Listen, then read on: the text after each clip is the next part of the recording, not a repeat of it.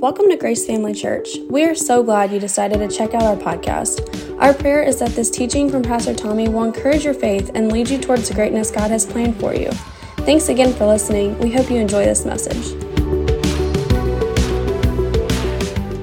I want to continue our message entitled Killing Faith Killers. Um, we've been talking about really the enemies of our faith and the things that can rob us of entering into all that God has for us. God has exceeding great and precious promises. Actually, it says exceedingly great and precious promises that He's given us.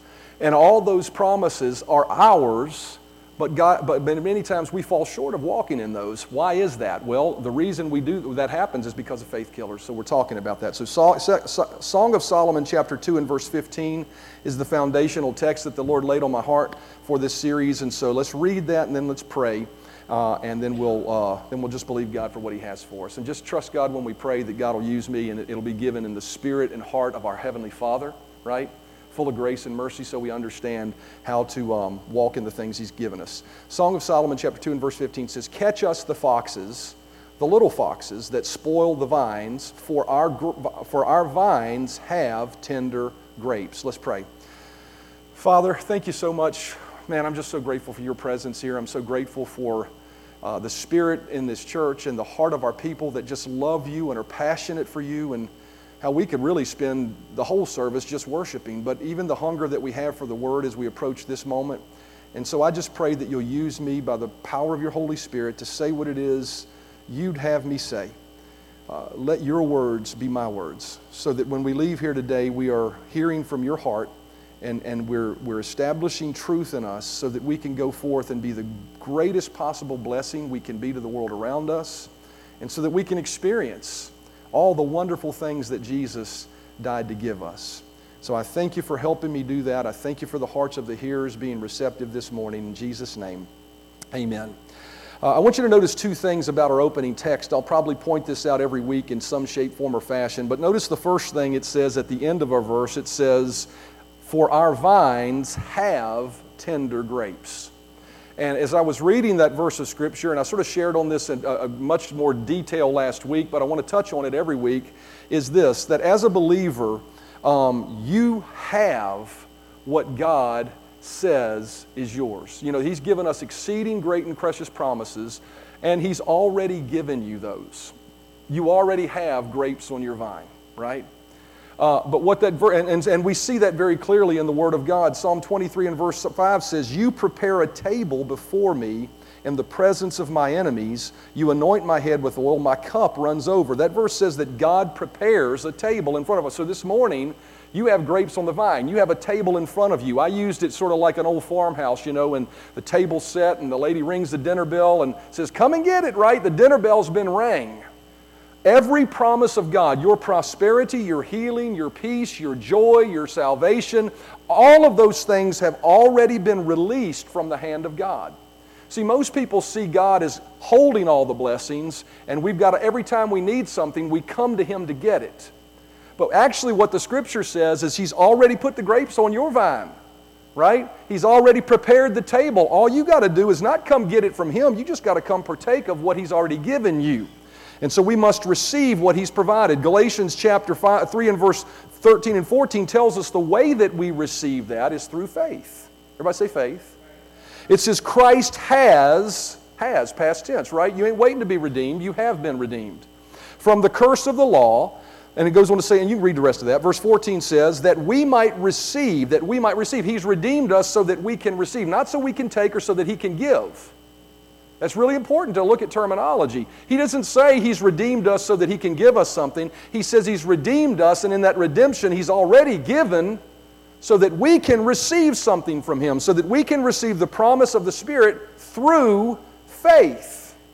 And so, faith is how we receive from the hand of God. And so when we see uh, promises that God has made, when we see things He said we can have, when He says that, you know, you can be this or you can be that, and you're not experiencing that, I can tell you 100% of the time it's not because God is withholding it from you. You can't withhold what's already been released.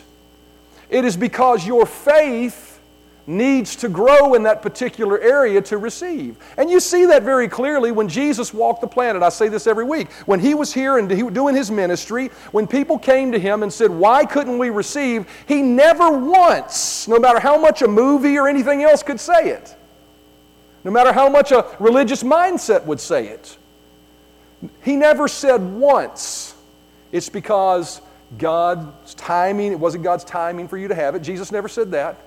He never said once because, well, God wants you to have this to learn something.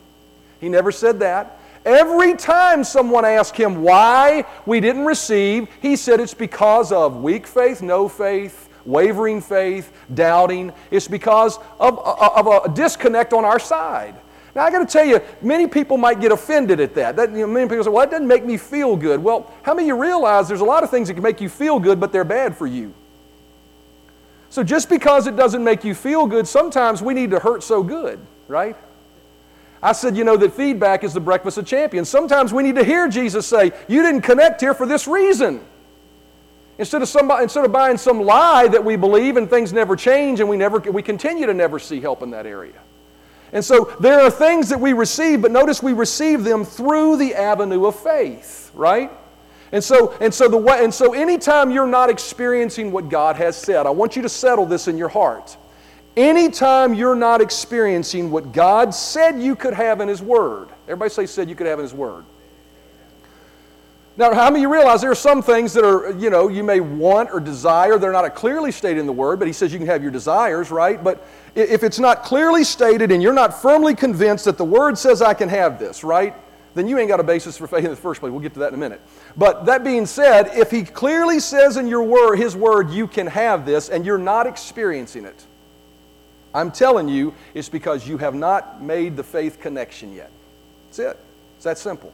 Your faith is either being attacked, wavering, whatever, but it's, it's because there is a connection of faith that needs to take place to cause that thing that has been promised in the Spirit to manifest in the natural realm. And so uh, I've, I've pointed out that if that's the case, then, then what causes our faith to disconnect?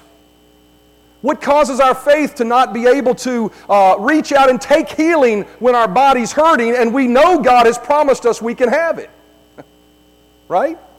What causes us to not walk in the abundance and prosperity that God has promised when financially He's told us that if you follow after me, you'll be blessed and you'll be highly favored, and whatever you put your hand to will prosper. But how many you know sometimes we don't experience that? Why?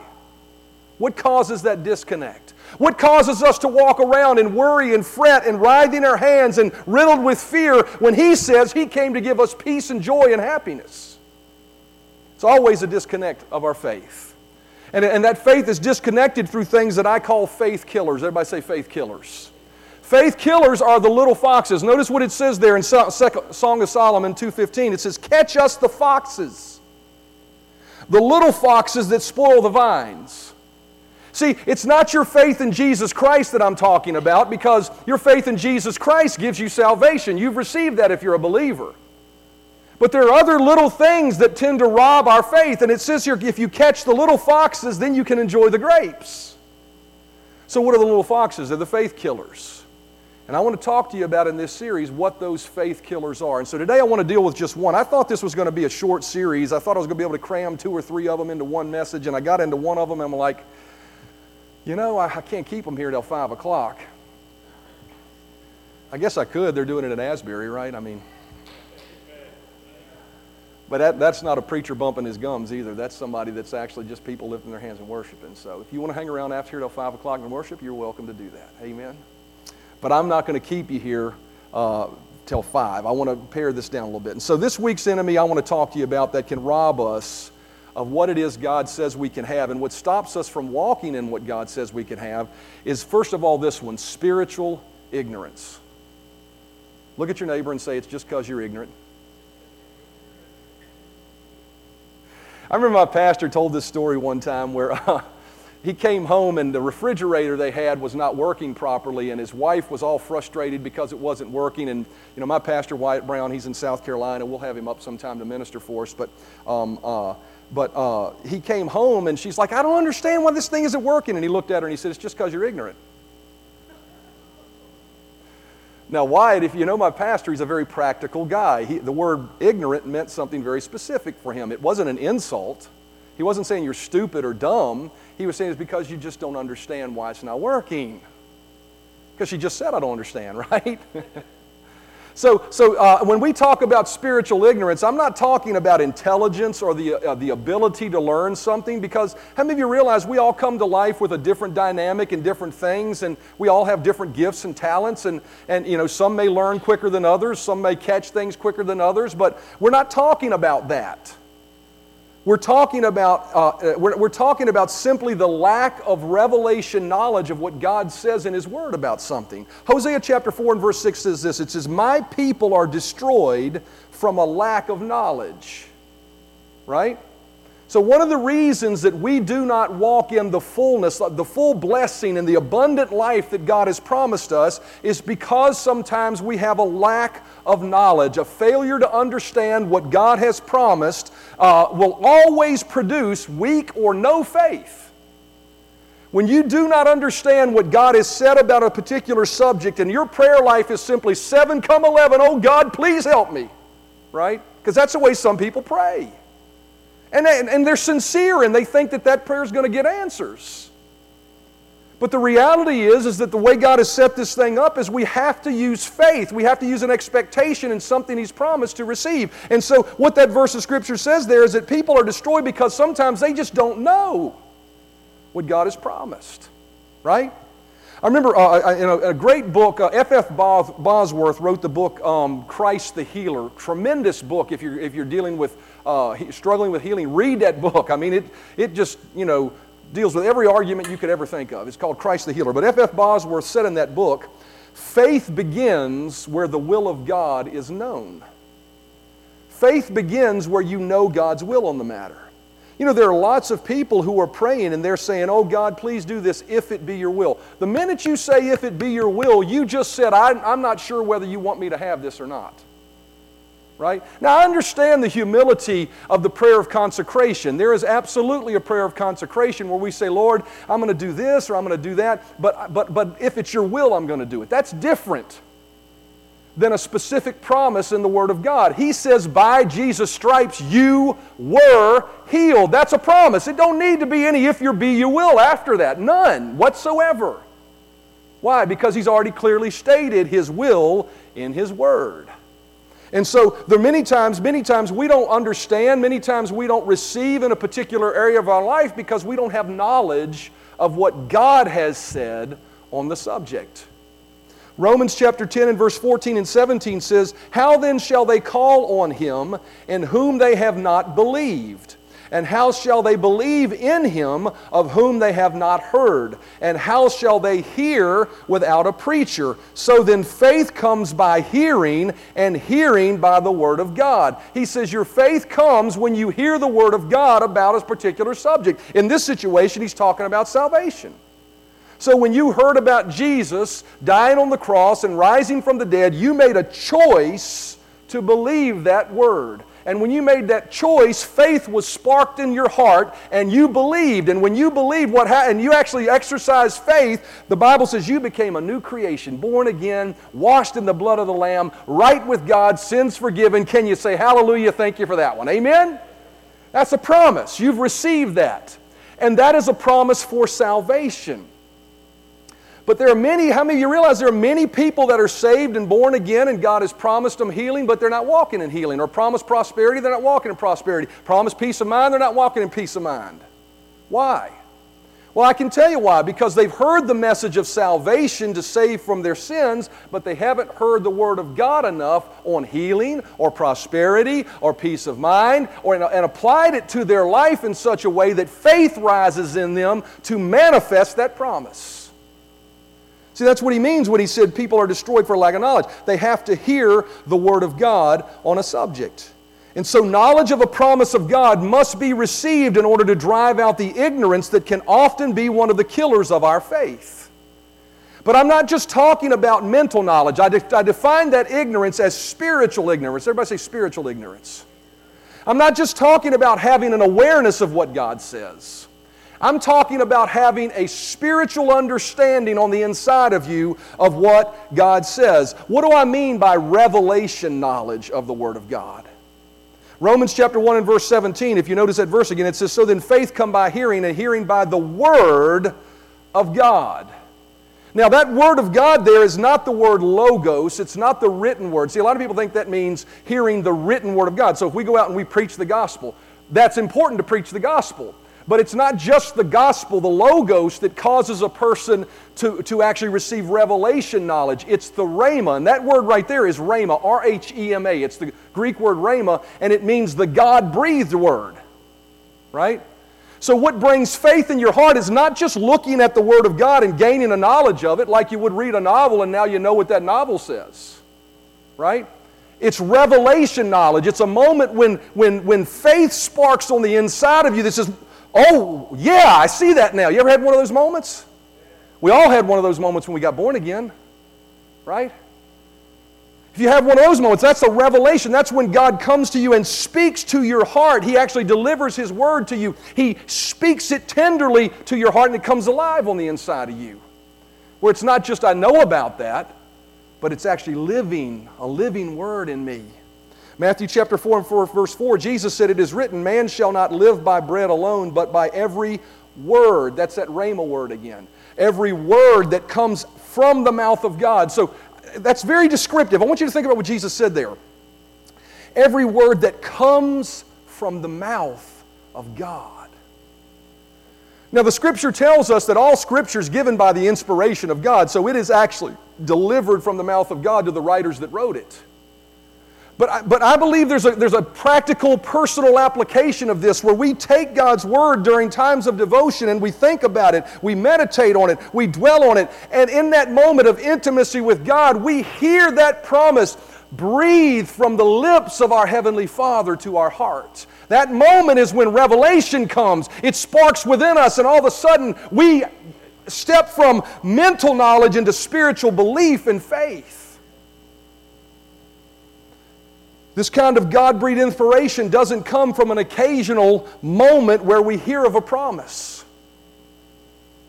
And I'm telling you, I do the best I can in, in, the time that I believe the Lord's led us to hold services. I've often considered extra services during the week, and we may go to that at some point in the future. But, you know, once a week, I do my best to load you up with the Word of God so you hear it. But I can tell you something if you just hear it on Sunday morning. You don't go home and meditate on it. You don't dwell on it. You don't think about it. That one meal a week will not sustain you. It will not build your faith. It will not grow your faith.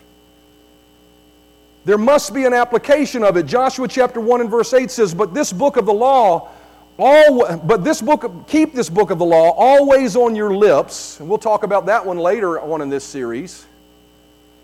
He's saying, what is he saying? Always talk the word. Meditate on it. Notice this day and night. Everybody say day and night. This is a formula for faith. Meditate on it day or night so that you may be careful to do everything written in it. Then you will be prosperous and successful. So here's a recipe for prosperity and success. And remember, we talked about prosperity once again in our previous series. Prosperity is not just talk about money, it's talk about soundness, your whole life being whole in every area. The formula for it is keep the word on your lips. We'll get to that one in another message. But also meditate on it day and night. Everybody say day and night. There's that phrase. You know, I, I, thought about this. That phrase, day and night, meditating on the Word, is used a number of times in the Bible. The Bible says that by two or three witnesses, every principle or word should be established. There is a principle in the Word of God that is very clearly stated that we must make application of to the best of our ability as regularly and as consistent as possible, looking at the Word day and night.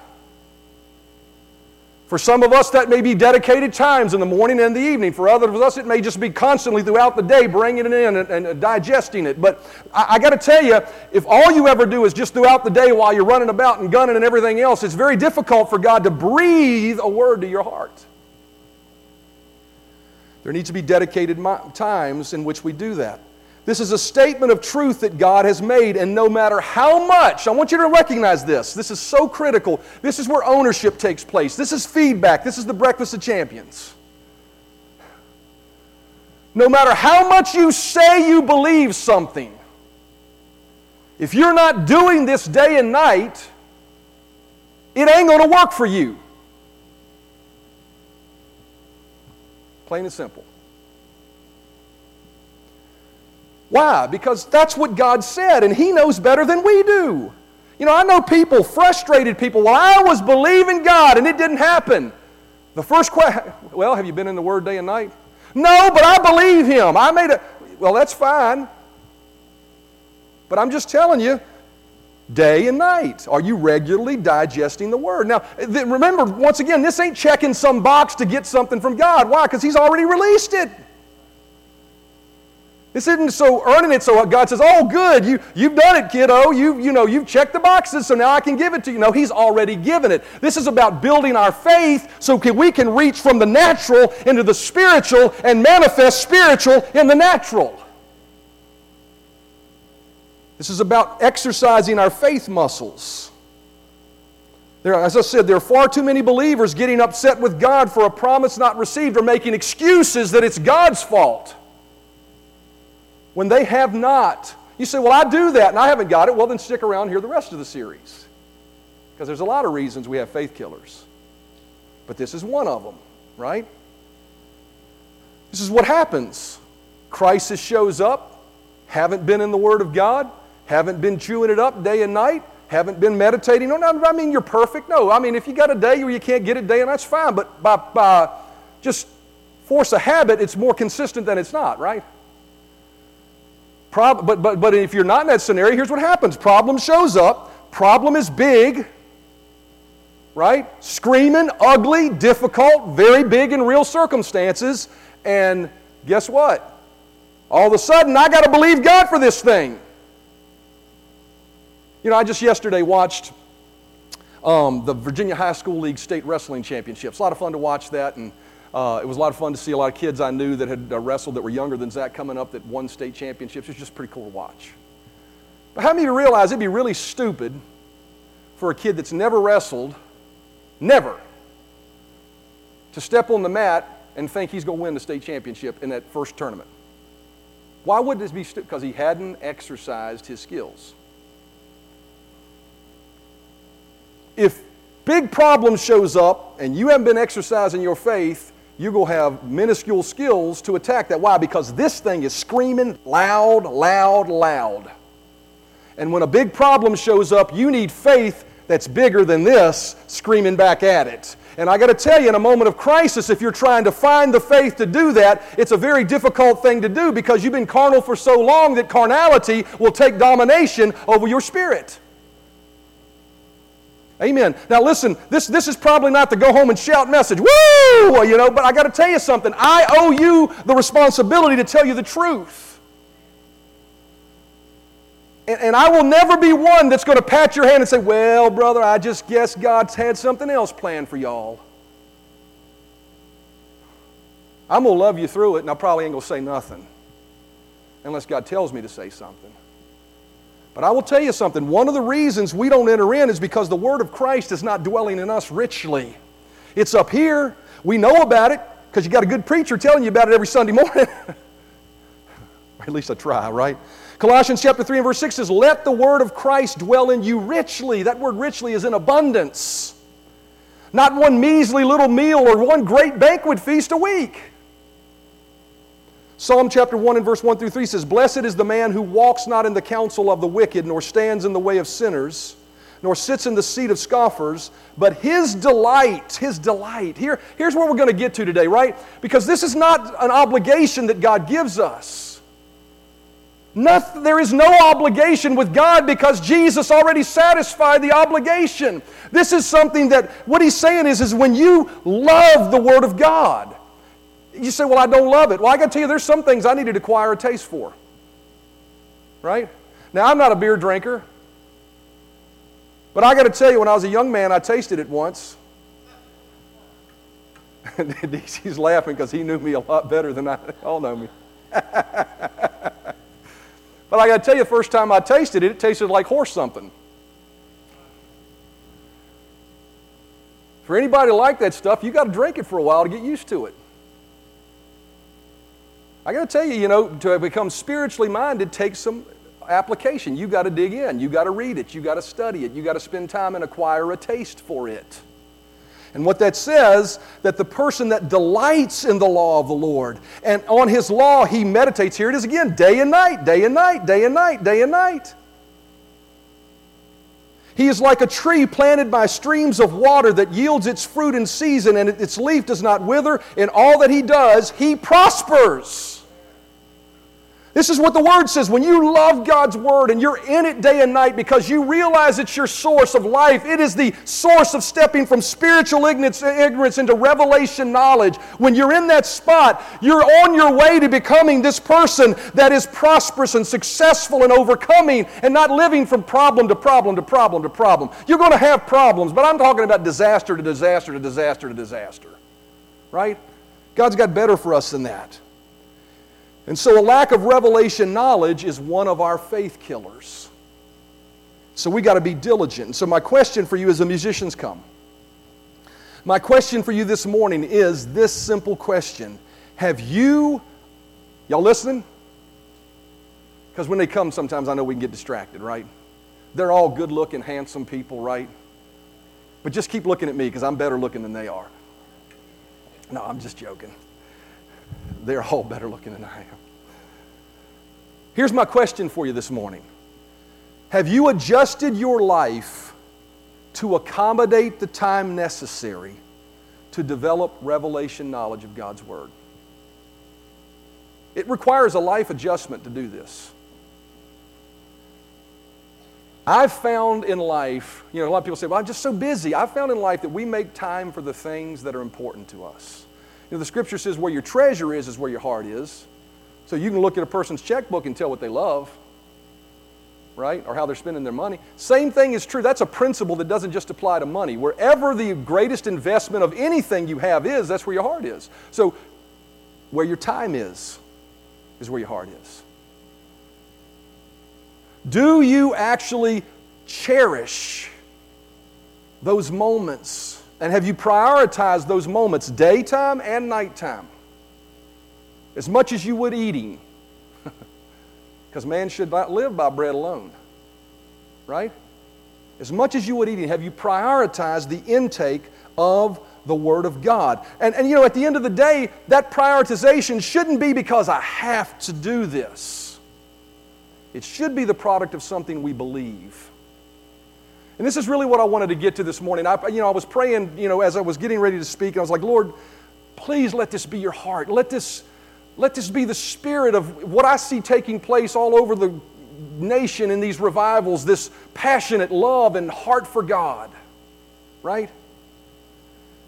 And so the questions I was asking myself as I was preparing this is this is do we really value the word of God enough to make time for it? Do we really believe it's our life source? Do we really believe that we won't experience the very things that we're confessing and believing and asking for? That we won't experience those things if we don't do this principle. Do we believe that? Because I got to tell you something. Whether you believe it or not, it's the truth. All that's going to happen if you don't believe it and you just keep on doing what you're doing is you'll keep experiencing what you experience. But I want to be a people that are hungry. Do we believe that Jesus said you're only going to live like God intends you to live when you actually hear revelation from His Word? Hebrews chapter 4, let me, let me tell you a reason why we don't believe that. Hebrews chapter 4 and verse 12 says, For the Word of God is alive and active. This verse tells us that God's Word is alive. That word alive means full of energy and it's active. That word active actually means an actual living organism. Do we really believe that the Word of God is different than a novel or Huckleberry Finn? Right? Because you can read a novel, they're, they're words. You can read Huckleberry Finn, right? But this Word, this living Word, When we receive this word into us, it is not receiving just knowledge, it's receiving something that's alive. You know, on the contrary to that, it's almost like receiving, you know, a virus. on the negative side, you get a virus, it's alive in you, it's moving around, right? When you receive the Word of God, you're receiving something positive on the inside of you that's alive and begins going to work on the inside of you. The problem is, is sometimes we're not receiving enough of it to affect our life. The Word of God is a, you know, when you plant a seed, it's a living thing you're planting, right? And that's what's happening with the Word of God. Luke uh, chapter 8 and verse 11, Jesus, I won't read the whole parable, but Jesus said the meaning of the parable is this the seed is the Word of God.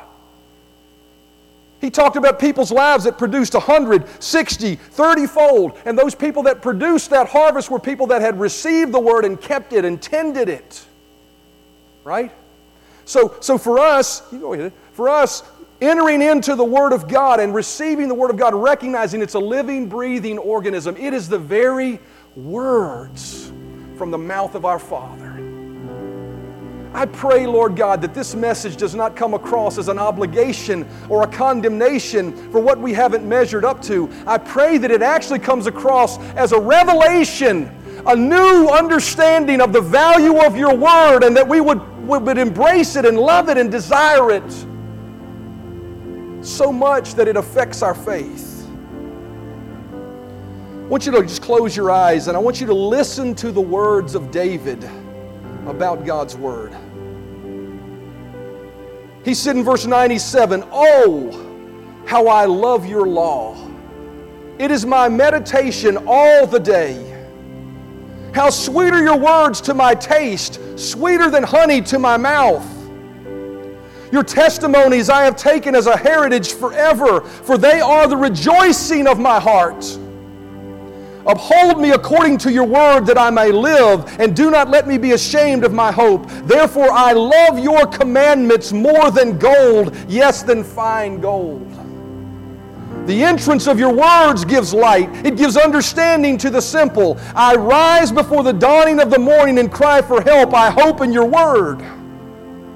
I rejoice at your word as one who finds great treasure. Great peace have those who love your law, and nothing causes them to stumble. May this be the cry of our heart. Lord, we are hungry for your words. Not just your written word, but for you to speak to us through those pages and to speak to us within our spirit, to come alive on the inside of us so that faith rises so that the measure of faith that we spoke of last week that dwells within each one of us would, be, would recognize its full potential. And that the more than enough nature of that seed in us would grow to be more than enough to overcome every circumstance, to receive every promise, and to cause us to walk upon the high places in this life. Song of Solomon 2:15 says, "Catch us the foxes, the little foxes that spoil the vines, for our vines have tender grapes." We have the promises of God already released from his hand. How do we receive them? By faith. And one of the ways we build our faith is by hearing the word of God. I encourage you to practically apply that. Find time daily Husbands and wives, I would encourage you, it's one of the best ways to uh, strengthen your relationships. Find time where you read the Word of God together. Find time where you read it and talk about it for a few moments. That sharing and sharpening of each other will spark faith in you. Amen. Amen. Now look up here at me. As I was coming to church this morning, if you're like me, how many of you have not measured up to that probably like you should have? if you didn't raise your hand, that's okay. We love you. You're perfect and we're not. I was like, Lord, if they're like me, then I could look at this and say, well, then I don't qualify to receive your promise this morning because I haven't put into work. But the Lord spoke to my heart. And He said this morning to each person here, that's what my grace and my anointing is for. My grace says, in spite of your failures, you still qualify. That's not an excuse for our laziness. It's not an excuse to be irresponsible. But if that's where we're at this morning, the good news is, is that God is more than gracious. And His anointing is available to destroy the yoke of bondage. I want to read to you just real quickly. We all know the story of the woman with the issue of blood. If you don't know the story, the woman with the issue of blood in the scriptures, she had this issue with her blood. And for many years, she tried to fix the problem and tried to correct the problem and tried to get it straightened out and, and couldn't find answers, and it spent all of her money. Says in verse 25 Now a certain woman had a flow of blood for 12 years and had suffered many things from many physicians. That's a long time to deal with a physical problem, 12 years. How you realize that sort of settles in on you It's almost like, well, that's just, I guess that's just my thing to carry around. Even though God don't want me to have it, I'm just dealing with it. We just sort of accept it sometimes. And she suffered many things from many physicians. She had spent all that she had and was no better, but rather grew worse. But I want you to notice the next phrase when she heard about Jesus. The moment she heard about Jesus, had she been in the Word? Had she been applying the Word? Had she been day and night in the Word? I don't know the answer to that question, but what I do know is this this account tells me that the moment she heard about Jesus, something sparked on the inside of her.